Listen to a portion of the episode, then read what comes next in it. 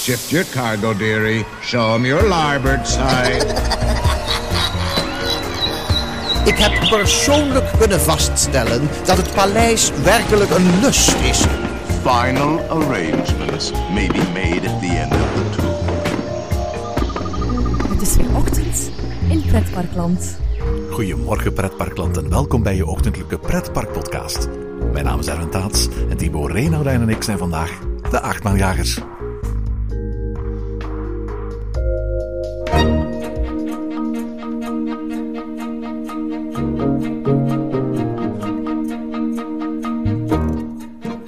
Achtbaanjagers gaan we regelmatig op zoek naar bekende en minder bekende achtbanen in binnen- en buitenland.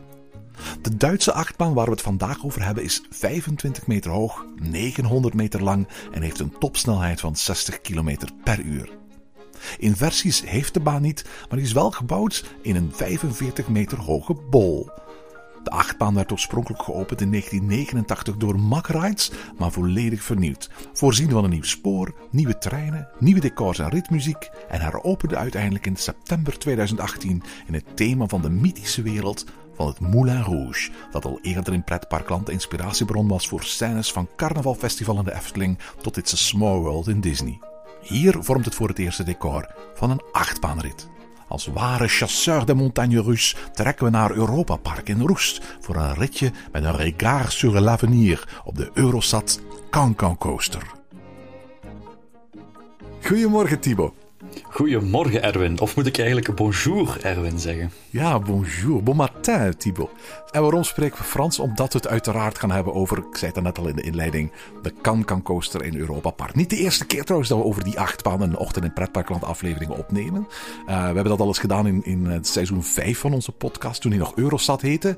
Maar omdat die attractie uh, in 2017 gesloten is, in 2018 heropend is als Can-Can Coaster, of eigenlijk de volledige naam is Eurostat Can-Can Coaster. Ik vraag me af hoe lang ze die, die, die Eurostat daar nog voor gaan, gaan behouden, hebben besloten om toch maar eens een nieuwe aflevering over deze achtbaan op te nemen. Hè? Ja, absoluut. En uh, ja, Eurosat vroeger en uh, nog altijd staat in het uh, Franse themagedeelte van Europa Park. en heeft bij deze, met die hele upgrade, ook een veel Franser thema meegekregen dan voorheen. Hè? Ja, absoluut. Oorspronkelijk geopend in 1989. Uh, in een geodetische sfeer, zoals dat soort gebouwen genoemd wordt. Wij kennen het allemaal als Spaceship Earth in, uh, in Epcot. Ja. Uh, had die attractie een futuristisch ruimtethema. En net zoals Silver Star niet 100% past bij Frankrijk. Uiteindelijk, het is gesponsord door Mercedes en dat is een Duits automerk. past eigenlijk ook altijd Eurosat niet 100% bij dat Franse pleintje dat daar staat. gelukkig hebben ze daar eventjes over nagedacht. En is de achtbaan nu eigenlijk eind 2018 uh, helemaal aan die Franse sfeer aangepast. Hè? Ja, absoluut. Um, waar je eigenlijk voorheen die, die, die, die bol had, die, die geodetische bol, die staat er nog altijd voor alle duidelijkheid. Maar de ingang daarvan is nu gethematiseerd als de ingang van de Moulin Rouge, het, het cabaret dat we kennen uit het centrum van Parijs. En op het eerste zicht lijkt dat misschien een beetje een, een, een, een cacofonische keuze om zo die, die, die, ja, die, die flamboyante, groteske stijl van de Moulin Rouge te combineren met die, met die um, heel strakke geometrische stijl van die bol. Maar zeker eenmaal binnen is het echt wel zeer duidelijk dat je in een heel andere sfeer gaat begeven dan, dan die, die hele formele geometrische sfeer. Hè?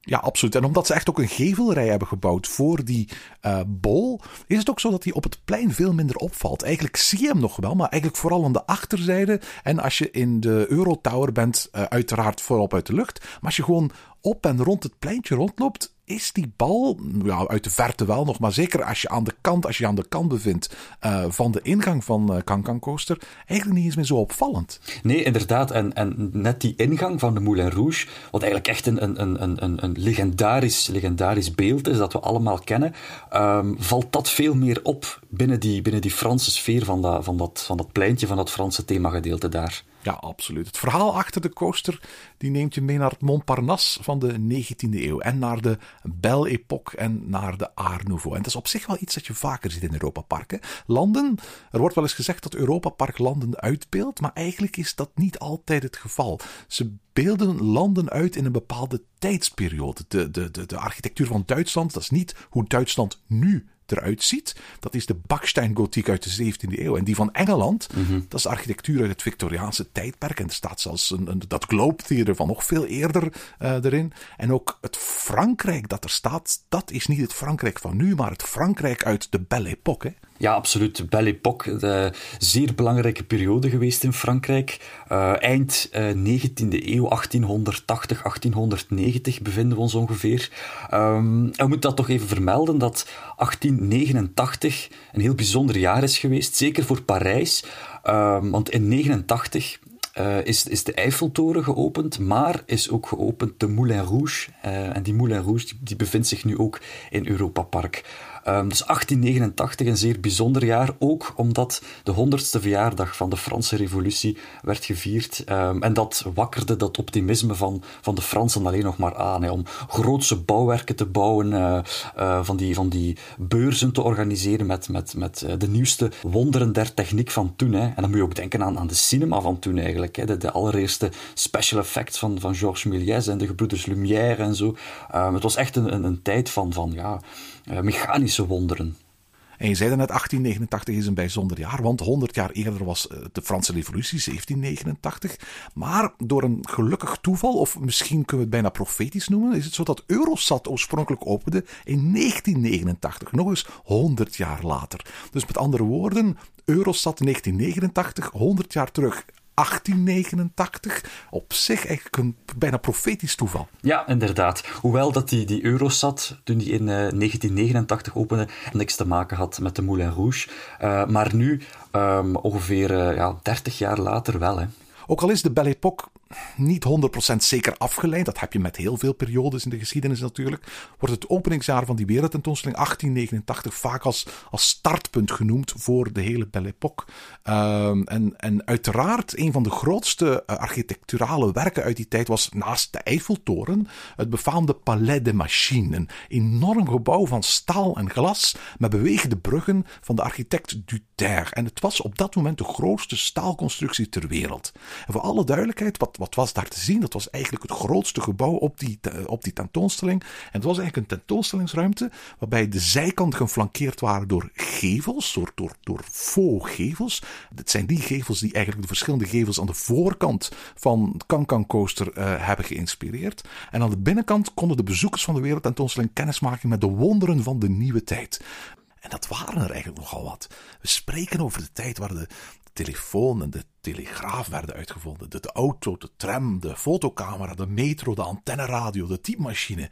In het Engels verwijzen ze soms naar die periode als het tijdperk van de rise of the machines, de tweede industriële revolutie, de revolutie van ijzer en staal. En dat is wat je in die expohal te zien kreeg machines van ijzer en staal in een gebouw van ijzer en staal. Dat vinden we eigenlijk ook terug in, in, de, in het eerste deel van, van, de, van de wachtrij van, uh, van Cancan Coaster. Hè. Van zodra dat je eigenlijk onder de ingang van de Moulin Rouge doorwandelt, kom je eigenlijk in een, in een soort ruimte, een hoge ruimte terecht, um, waar je allerlei kasten ziet met, met, met voorwerpen die verwijzen naar die, uh, naar die periode.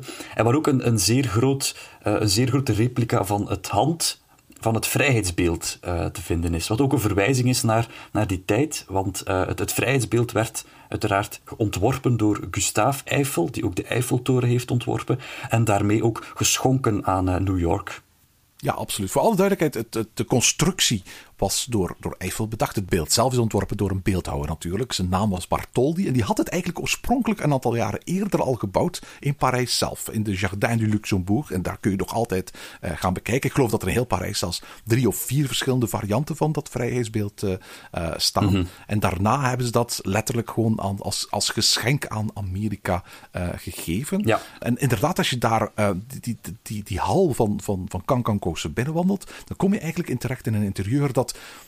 meer dan één gelijkenis heeft met het interieur zoals dat Palais des Machines van Duterte er moet hebben uitgezien. Het is helaas uh, afgebroken, dus we kunnen het niet meer gaan vergelijken. Maar we hebben natuurlijk nog heel veel foto's uit die tijd. En het is duidelijk geïnspireerd op die enorme staalconstructie die dat Palais des Machines was. Met daarin in, inderdaad grote posters aan de muur, grote uitstalkasten met bustes van belangrijke uitvinders. En uiteraard typisch, uiteraard ook een buste van Frans Mak, de oprichter van Europa Park. en dat is wellicht ook omdat Eurosat eigenlijk zijn coaster was. Als ingenieur stond Frans Mak, de oprichter, de vader van Europa Park, aan de wieg van het baanontwerp van die oorspronkelijke achtbaan in 1989. En inderdaad, op dat moment kom je eigenlijk meteen binnen in dat wereld-expo-sfeertje. Maar via een aantal trappen kom je in één keer in een hele andere sfeer terecht. Hè? Ja, zeker. En uh, een, sfeer die misschien nog wel uh, uh, ja, gezelliger en, en, typischer is voor Parijs. Um, je, je, je, gaat de trap op en dan kom je eigenlijk in een, een, gang terecht. Um, die, die heel erg doet denken aan, aan, aan Montmartre, eigenlijk de berg waarvan aan de voet de Moulin Rouge ligt. Je betreedt die gang, het is een beetje, is een beetje avondelijke sfeer. En dan ga je op, op een gegeven moment een deurtje in, in die gang. En dan kom je in een prachtig interieur terecht. Uh, duidelijk het interieur van een zolderkamer van een kunstenaar, wonend op Montmartre. Met, met heel veel uh, schildergerief, met, met veel posters en foto's aan de muur. Met, met van die typische lampionnetjes aan het plafond. Met met een, een, bed in de hoogte, met, met een laddertje naartoe typische bohème-stijl. Uh, een kunstenaar aan, in de 19e eeuw, een beetje geromantiseerd. Uh, ja, zoals we ons kunnen voorstellen dat kunstenaars als, als Toulouse-Lautrec zouden leven. Ja, absoluut. En als je nu Toulouse-Lautrec noemt, dan moeten we misschien ook een heel klein beetje wat meer vertellen over die, die Belle Époque. Want vooral ja. die periode waar we het over hadden, dat was een van de rijkere perioden van de, de recente Europese geschiedenis. Hè. Het was een periode van, van, van, van welvaart en van een steeds groter deel van de bevolking die deel kon nemen aan de economie. En omdat er een steeds groter deel van de bevolking aan het werk is, ontstaat op dat moment een nieuwe middenklasse en nieuwe rijken, de nouveau riche, met een eigen koopkracht. En ook die mensen hebben een eigen interesse in kunst en in luxe producten. Iets wat vroeger alleen maar de adel uh, zich kon permitteren. En het gevolg daarvan is dat er echt een soort van nieuwe subcultuur speciaal voor hen ontstaat. Overal ontstaan brasseries en salons. Er ontstaat een nachtleven voor muzikanten en schilders en dromers en, zoals jij ze al noemde, de bohemiens.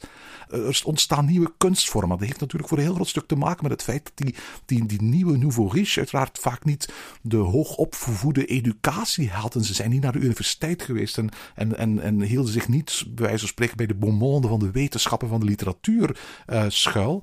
En dus ontstaat een soort van ja, lagere, meer populaire vorm van cultuur waar zij zich in gaan baden.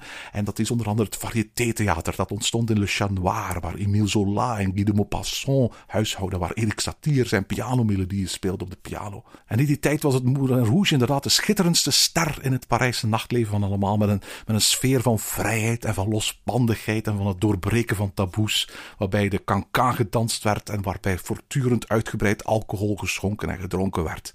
En kunt je een beetje voorstellen dat die kamer van die kunstenaar waar we op dat moment zijn, inderdaad de kamer is van Toulouse-Lautrec, zoals je zegt. Toulouse-Lautrec was een, een schilder, is niet oud geworden, ik geloof dat het maar een jaar of 35, 36 is geworden, die jarenlang de affiches ontwierp voor het Moulin Rouge.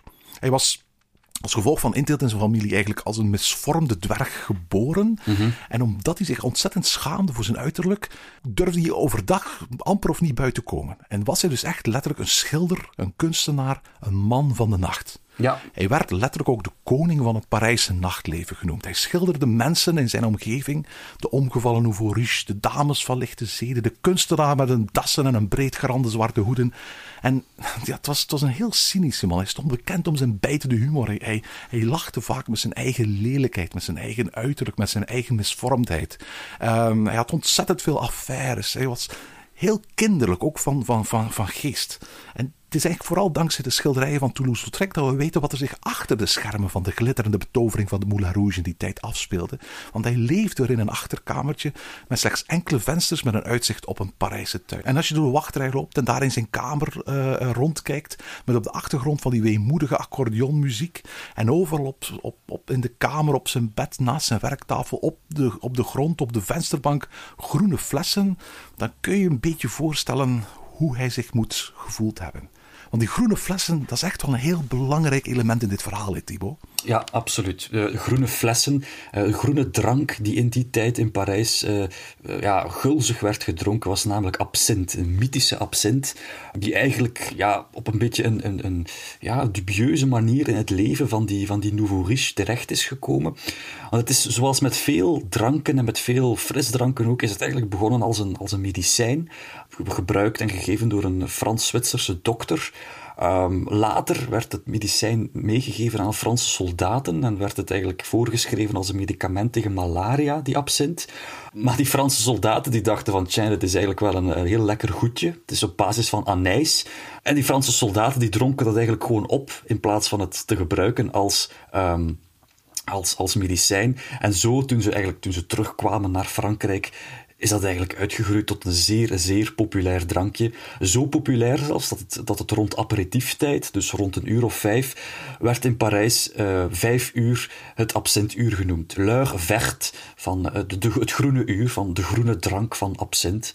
Uh, maar het was echt niet normaal populair. Mensen dronken ze eigenlijk constant Lazarus in absint. Dat was heel alcoholisch, hè? Zeer alcoholisch. Dat is een, een zeer, zeer sterke drank. En, en, en, de overheid en, en, en de, de de, de, premiers en de ministers, die hadden dat ook door. En die stonden dus met, met argusogen toe te kijken hoe dus die, die bohemiens en die nouveau riches zich te goed deden aan, aan die, die groene fee, zoals absint werd genoemd. De kunstenaars schiepen een beeld van die absint als een groene fee die over de, de, de schouders van de drinkende meekeek en eigenlijk de mannen verleidde tot het gebruik van absint. En daar kwam ook een nieuwe term bij kijken. Uh, de, de, de, de, de leidinggevenden en de, en de, de, de, de de overheid die dat absintisme, uh, het verslaafd geraken aan absint. Wat eigenlijk niet meer was dan gewoon, uh, dan gewoon alcoholisme. Maar omdat dat zo een nieuwigheid was, uh, werd daar dus een nieuwe term aan gegeven, absintisme. en daarbij kwam dan nog eens, omdat kunstenaars dat beeld van die, die, die groene fee hadden geschapen, kwam dan nog eens het, de mythe dat dat absint wel eens een hallucinogene werking zou hebben dat, dat je dingen begon te zien, zoals, zoals met, met, met, uh, met, met een drug dat je nam. Maar dat is, dat is een mythe, dat is niet waar. Dat is, het absint bevat geen hallucinogeen, maar is enkel zeer sterk alcoholisch. Um, en dankzij een aantal mythische tekeningen van die, van die Parijse bohemiens um, werd het de mythe gevoed dat absint ook hallucinogene bijwerkingen zou hebben, maar dat is niet waar.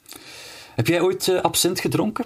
Ik heb één keer absint gedronken. Dat was, vreemd genoeg, in de Efteling. Oh. Um, op de eerste midzomeravond in uh, 2015 was dat was het zo dat achter het spookslot op het uh, heksenpad was er een groene vee aanwezig. En daar kon je eigenlijk gratis, was inbegrepen in de prijs, gewoon absint proeven. En dan schonk ze je die, die groene drank in kleine glaasjes. Uh, dan legde ze een suikerklontje op een, op een soort van uh, speciaal soort lepeltje met gaatjes in. En dan deed ze daar, ik geloof dat het gewoon water was overheen, waardoor de suiker smolt en oploste in de absint. En op dat moment mocht je het, mocht je dronken. Ik geloof dat ze het alleen maar in die eerste midzomernacht gedaan hebben, dat ze daar niet meer teruggekomen is. Maar dat is de, de enige keer dat, dat ik uh, geproefd had. Dat was wel in een heel bijzonder uh, kader op dat moment. Het was donker, er hing overal rook. Um, en ja, dit is wat jij zegt, het is een hele alcoholische, hele sterke anijsdrank. Ja. Maar ik vond het echt best wel lekker, hè? En dat is inderdaad, dat is het vaste ritueel om absint te drinken. Je gebruikt eigenlijk zo een, een taartschep waar, waar gaatjes in zitten. Je legt daar een uh, suikerklontje op en dan wordt er eigenlijk ijskoud water over dat klontje gegoten. Nog een reden waarom het zo een, een beruchte drank is, uh, is omdat het begin 1900, rond 1905, verboden is. In zo goed als alle Europese landen. Een deel van de aanleiding was natuurlijk het absentisme, het, het hoge alcoholisme, vooral in Frankrijk. Maar eigenlijk de, de, de, doorslaggevende, de doorslaggevende reden was dat er een, een zeer gruwelijke moord in Zwitserland is gebeurd, die de absintmoord werd genoemd. Um, een, een, Zwitserse alcoholist heeft toen, heeft eigenlijk heel zijn familie uitgemoord nadat hij onder uh, zware invloed van alcohol ruzie heeft gekregen met zijn vrouw. Um, en toen heeft hij onder andere absint gedronken. Eigenlijk veel meer andere alcoholische dranken uh, buiten absint, maar omdat absint erbij hoorde, uh, is dat eigenlijk de kogel door de kerk geweest. En heeft men toen besloten van kijk, die absint zorgt eigenlijk alleen maar voor miserie. En heeft men toen rond 1905 en langzaam maar zeker alle Europese landen hebben die een absintverbod ingevoerd. En dat ondertussen een kleine 100 jaar daarna, in de jaren 90, uh, is opgeheven. Dus nu kan je eigenlijk terug uh, zo goed als in elk land absint drinken. Weet je wat ik mij afvraag? Of je absint in Europa Park kunt drinken. Ik weet, vlakbij de ingang van het Moulin Rouge heb je daar de Bistro La Cigale. En dat is zo'n zo'n ouderwets bruin Frans café. Uh, met, met, met houten lambrisering, met, met, met koperen lampen, uh, met, met parquetvloer en, en, en, bruine stoelen overal. Het is eigenlijk een, van de gezelligste cafés in, in Europa Park. Je kunt er ook typische Franse gerechten krijgen, zoals quiche Lorraine en salade niçoise en zo. Of een café au middags, et cetera. En uiteraard kun je ook een uitgebreide wijnkaart raadplegen. Maar eigenlijk zou dat ook wel de juiste plek zijn om absint te drinken. Maar ik vermoed niet dat, het, dat je het er kunt krijgen. Nee, ik, ik, als, als het er was, dan heb ik het alleszins niet meegekregen. Het is misschien een keer iets uh, om, om uit te zoeken bij een volgend bezoekje aan, uh, aan Europa Park. Ja, maar de reden waarom we zo over absint spreken, die komt later nog terug. Mm -hmm. uh, maar eigenlijk wat, wat Europa Park daar doet, of wat de ontwerpers van Europa Park daar doen in die werkkamer, is door, door overal die groene flessen met absint te leggen, een zaadje planten voor hoe straks het verhaal van die achtbaan vorm gaat krijgen. Ja, want inderdaad, als je die flessen ziet staan in die werkkamer, dan denk je op het eerste zegt van oké, we bevinden ons in Frankrijk in die Belle Époque, absint was aanwezig, het is maar logisch dat hier flessen absint staan. Maar er is inderdaad nog veel meer aan de hand. Absoluut. Nu, als we de, de werkkamer van de jonge kunstenaar uitwandelen, komen we in een steegje terecht. En bij grote drukte heb je ook eventjes de mogelijkheid om door een Franse stadstuin uh, te wandelen. En grote witgekalkte letters op de bakstenen gevel laten op dat moment weten dat we ons bevinden in de boulevard de Clichy. En Boulevard de Clichy, nummer 84, dat is uiteraard het adres van het Moulin Rouge. En via een artiesteningang, dus niet via de gewone ingang. En ongetwijfeld is dat ook de ingang die Toulouse-Lautrec mocht gebruiken toen hij het Moulin Rouge uh, betrad. Hij kende natuurlijk al die danseres heel goed. Hij maakte die affiches, hij kende het management. Gaan we eigenlijk naar binnen? Ja, inderdaad. Um, en dan, je zei het net, we komen niet langs de hoofdingang binnen. En dat blijft ook zo als we de Moulin Rouge zelf betreden.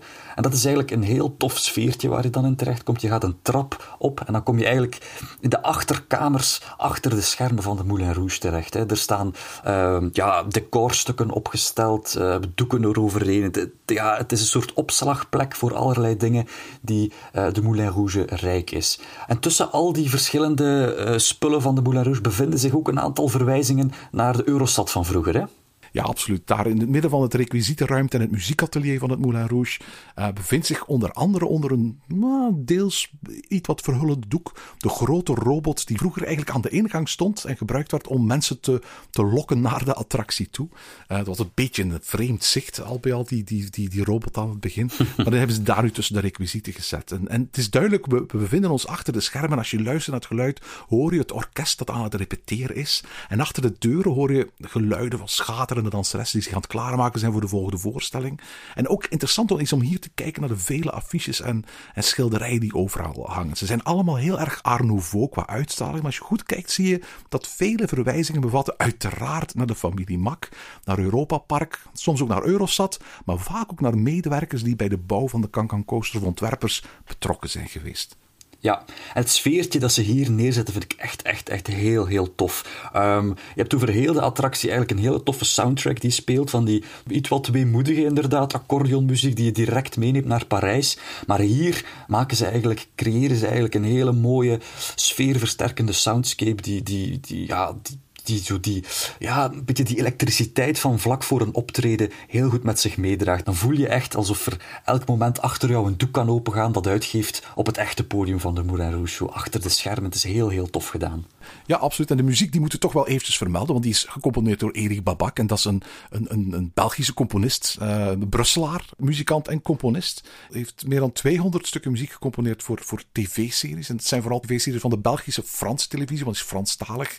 Uh, en ook heel, voor heel veel Duitse programma's. Onder andere ook de tune voor de, voor de Miss Germany-verkiezingen die in Europa Park uh, gehouden worden. Maar waar waarschijnlijk heel veel mensen hem van kennen hier in België, omdat dat toen vrij uitgebreid in het nieuws is geweest, is het feit dat hij ook de, de, de openingsmuziek gecomponeerd heeft voor de Olympische Winterspelen van Sochi in uh, 2014. Daar is ook een, een, een CD van, van uitgebracht. En bij mij weten is het de eerste keer dat hij echt attractiemuziek gecomponeerd heeft, of, of attractieomgevingsmuziek uh, uh, voor, voor, uh, voor een park in het algemeen en voor Europa Park in het bijzonder. Maar ik geef wel toe, ze verkopen de soundtrack op CD in het park en ik leg die vaak op. De wachtrijmuziek heeft zo'n zo'n typisch Franse accordeon, weemoedige sfeer. En, en ook de, de, de, de, de ritmuziek die hij heeft georchestreerd is echt fantastisch mooi om naar te luisteren. Ja, zeker. Het is, het is, heerlijk, heerlijk om, om bij weg te dromen naar het, uh, naar, in, in bohemien-stijl een beetje te, te ja, romantisch te dromen over Parijs. Ja, absoluut. En vervolgens aan het eind van die wachtruimte zijn we er eigenlijk bijna. Uh, dan komen we uit op het station. Het station is um, weergegeven als de binnentuin van het Moulin Rouge. De nacht is ondertussen gevallen. De verlichting staat aan. De Franse vaandels zijn gedrapeerd over de tuin als theaterdoeken. En we moeten instappen in, in treintjes die eigenlijk heel erg mooi zijn vormgegeven. Ze zijn niet meer die, die nogal logge Eurosat-treinen uit de jaren 80. Ze zijn vormgegeven als een soort van Jules Verne-achtige raket die in Le Palais des Machines van uh, de wereldtentoonstelling van uh, 1889 helemaal niet zouden hebben misstaan. En we beginnen op dat moment aan onze rit. En wat is eigenlijk onze rit? Eigenlijk is die rit niet meer en niet minder dan een door absint aangedreven roes. Absoluut. Ik, ik moet toch nog eens even zeggen. Ik wist niet aan wat ik me moest verwachten en ik stond tamelijk sceptisch tegenover het hele thema. Maar dit bewees echt van hoe verrassend en hoe aangenaam verrast ik was en hoe tof het is om verrast te worden door zo'n attractie. Ik, ik, ik, ik, was, ik werd totaal van mijn sokken geblazen. Het eerste wat je ziet als je, als je in het treintje instapt, je komt eigenlijk in een soort kelder terecht. Het is een heel korte scène. Een soort kelder waar, waar ook opnieuw die flessen absint opgeslagen staan. En door middel van een aantal heel simpele licht- en projectie-effecten komt er eigenlijk een soort vuurwerk uit die absintflessen gespoten. En dat vuurwerk dat begeleidt jou mee naar de lifthill, waar je eigenlijk begint te zweven dankzij die krachten van de groene vee, dankzij die, ja, die, die ja, alcoholische kracht van absint. Ja, absoluut. En langzaam maar zeker word je meegenomen boven de wolken, uitstijgend over Parijs. En de gevels van de boulevard de Clichy die worden kleiner en kleiner. En letterlijk terwijl je langs de Eiffeltoren omhoog klimt, zie je de sterren aan het firmament verschijnen. En het is eigenlijk heel mooi. Die, die, die, die lifthill die was altijd, ook al bij Eurostat, een grote spiraalvormige lift. En eigenlijk past die spiraalvormige beleving van langzaam omhoog getakeld worden. En dat duurt best wel een tijdje. Perfect bij als het ware die ja, dronkenmanservaring, die, die, die, die alcohol alcoholische roes die die absint moet opwekken. Ja, en het is ook zo, je zegt we passeren de Eiffeltoren en zo, we gaan langs die geveltjes omhoog. Het is ook allemaal vormgegeven in een soort van blacklight sfeertje, waardoor het iets heel ja, mysterieus, bijna sprookjesachtig en avondelijks krijgt. Ja, absoluut. Blacklights hebben aan de ene kant iets, iets heel corny, maar tegelijkertijd brengt het ons ook terug naar de roots van de Dark Ride en naar diezelfde periode van de Belle Époque. Want voor alle duidelijkheid, de allereerste Blacklight effecten die zijn ook in die periode ontstaan. Dus de keuze om, om, om, om voor, voor blacklight effecten te kiezen hier is in mijn ogen niet louter budgetair. En als het zo is, dan is het een gelukkig toeval, want het past ook thematisch en vormelijk perfect bij het sfeertje dat dat moet uitstralen. Ja, absoluut. En als we helemaal bovenaan die lifthill komen, dan gaan we eigenlijk eerst even terug naar beneden afdalen. En daar komen we ook zo een icoon tegen uit die tijd, uit de tijd van de eerste films, uit de tijd van die mechanische wonderen. En dat is de maan uit Le Voyage dans la Lune, uh, een, van de, een van de eerste ja, fantasiefilms van, van Georges Méliès. Ja, absoluut. En de beelden van Parijs die gaan steeds sneller voorbij zoeven. We gaan door de wolken, langs luchtballonnen. Luchtballonnen ook een symbool voor uh, een van de uitvindingen uit de Belle Époque. Uh, we gaan door de Notre Dame, we vliegen onder de Arc de Triomphe, tot we langzaam maar zeker op straatniveau uitkomen tussen een rij lantaarns in het midden van de show van het Moulin Rouge. Terwijl eigenlijk de hele rit begeleid wordt door de cancan-muziek van Jacques Offenbach uit Orpheus in de Onderwereld. Ik zeg het nu wel, maar dat klopt niet helemaal. Erik Babak heeft, heeft twee stukken muziek gekozen om de, de, de ritmuziek te gaan begeleiden. De Lift Hill wordt begeleid met een geweldig mooie orkestrale versie, opgenomen in Abbey Road in Londen trouwens, van de oorspronkelijke muziek van Eurosat, dus het elektronische melodietje dat we allemaal kenden, maar hier heel langzaam en vrij episch gespeeld door een groot orkest. En één keer dat we de afdaling beginnen, dan horen we de muziek van Offenbach uit Orpheus in de onderwereld, dat bekend is geworden als de Franse cancan. Ja, inderdaad. Ja, en die cancan, dat, dat, dat is dat melodietje dat iedereen wel kent. Die pam, pam, pam, pam, pam, pam, pam, pam, pam, pam, pam, pam. Dat is typisch ook voor die, voor die, die sfeer van de Moulin Rouge. Dat is ongeveer ja, bekend geworden in, in 1800, die, die cancan. Uh, het, het werd in, in, in veel meer cabarets gebruikt dan, dan de Moulin Rouge, hoewel de Moulin Rouge natuurlijk het, het bekendste voorbeeld is. Um, het, ja, het is. Het is die typische dans waarbij van die Wulpse dames uh, schaars gekleed hun benen ontbloten en, en dat, typische dansje doen en een knieën omhoog zwiepen, tot groot jolijt van het, uh, van het, van het mannelijke, mannelijke publiek van die, uh, van die cabarets. En we komen die, die, been, die beentjes van die danseressen komen ook tegen tijdens de rit, als we, als we tijdens de, de achtbaanrit... Ja, helemaal op het einde. Ja, de Moulin Rouge weer betreden, dan is het karretje eigenlijk van links en rechts omgeven door van die, van die dansende, dansende Moulin Rouge benen. Ja, absoluut. En het zou Europa Park niet zijn als het nu nog epischer maakten en ervoor zorgen dat je op dat moment ook getrakteerd wordt op een vuurwerk boven de lucht van een nachtelijk Parijs. Ah, voilà, inderdaad. De attractie moest oorspronkelijk opengaan aan het begin van seizoen 2018. Uh, maar al gauw werd duidelijk dat uh, de constructie, want voor alle duidelijkheid, ze hebben, ze hebben letterlijk de, de bovenkant van, van, van de, de geodetische sfeer moeten openmaken. En, en daar eigenlijk eerst de bestaande coaster die erin zat er volledig uit moeten halen. En vervolgens een nieuwe coaster, want ze hebben heel nieuw spoor gemaakt, er één voor één weer in moeten tillen en monteren. Dat was een stuk moeilijker, want oorspronkelijk was het zo dat men eerst de gebouwd had, dus in 1989, en dan de geodetische sfeer eromheen. Men zag het niet zitten om dat hele ding af te breken, dus men moest het nu stukje voor stukje gaan afbreken en weer gaan op opbouwen. En dat kost uiteindelijk meer tijd uh, dan ze oorspronkelijk gepland hadden. En al gauw werd het duidelijk dat het dus niet zou lukken om dat aan het begin van het seizoen uh, te openen. Uiteindelijk werd het zomer en daarna herfst. En uiteindelijk is het pas, denk ik, geloof ik, in het najaar dat men erin geslaagd is om die attractie te, te openen. En vreemd genoeg, wat niemand had verwacht, ondanks het feit dat de attractie zo lang op zich had laten wachten, was het zo dat de kritiek niet mals was. Men vond de attractie maar niks. En dat had voor een heel groot stuk te maken met de afwerking van de decorobjecten in uh, de attractie zelf. De wachtrij was zo'n beetje zoals het was, maar de objecten in de attractie zelf die waren bijzonder rudimentair uitgevoerd. De beschilderingen waren bijna cartoonesk te noemen. En uiteindelijk is het zo dat Europa Park besloten heeft om de attractie opnieuw te sluiten. En uh, in de winter van 2018 op 2019 de binnenkant volledig te gaan herwerken. En daarmee bedoel ik de blacklight schilders opnieuw aan het werk te zetten en letterlijk alle decorobjecten opnieuw vorm te geven, opnieuw te gaan beschilderen, zodat de stijl eigenlijk um, wat beter aansloot bij alles wat vooraf was gekomen. En wat mij betreft is dat een hele goede verbetering geweest. En wat mij betreft is het ook zo dat daar nu een hele mooie narratieve coaster staat. Sterker nog, wat mij betreft een van de beste narratieve coasters die ik ken. Absoluut. Dus ik weet nog dat wij alle twee voor de eerste keer die achtbaan deden. En we kwamen daaruit en we zeiden toen: Dit is heel origineel. Dit is, dit is een fantastisch idee. Je hebt een soort van een mythisch object, in dit geval die absint, dat perfect in die tijd van Parijs past en dat perfect een gigantische narratieve be bezwerende, een hele, hele ja, mooie rol kan spelen in, in zo'n in zo'n in zo'n coaster als dit. Hè. Ja, en wat ik zo fantastisch vind aan dat concept, is dat er moet geen heel verhaal worden bijgehaald. Er moet geen slechterik worden bijgehaald. Er is rust geen vloek op, op, op iets. Er moet geen groot historisch gegeven bijgehaald worden. Nee, het is gewoon een uitbeelding van één element, namelijk de roes delirium tremens van het drinken van te veel groene vee. Het feit dat een, een, een verhaal zo beeldrijk en zo eenvoudig kan worden verteld.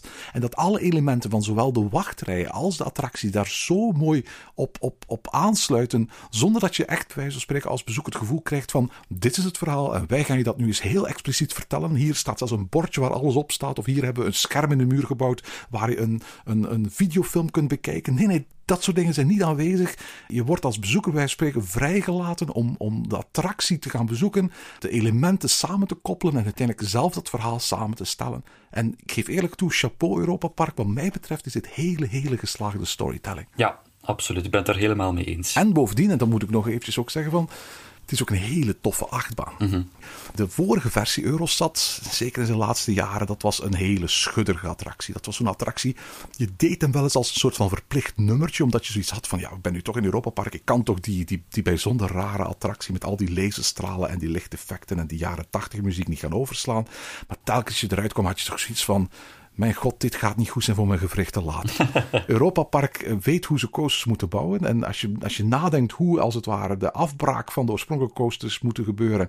en de opbouw van de nieuwe coasters moeten, moeten gaan. dan is het een klein wondertje, bij wijze van spreken. dat ze daar zo'n fantastisch soepele coaster in hebben kunnen maken. Werd je in de vorige versie door elkaar geschud als het laatste tiktakje in een doosje. dan is het in deze versie zo dat je werkelijk over de coaster glijdt. alsof je een warm mes bent dat door boter snijdt. Ja, absoluut. Je zoeft echt op een heerlijk tempo door de Parijse nacht. Wat mij betreft absoluut een ontzettende meerwaarde. Is er nog iets te vertellen over, over uh, uh, Eurosat? En dat is het, het heeft ook uiteraard een VR-coaster gedeelte.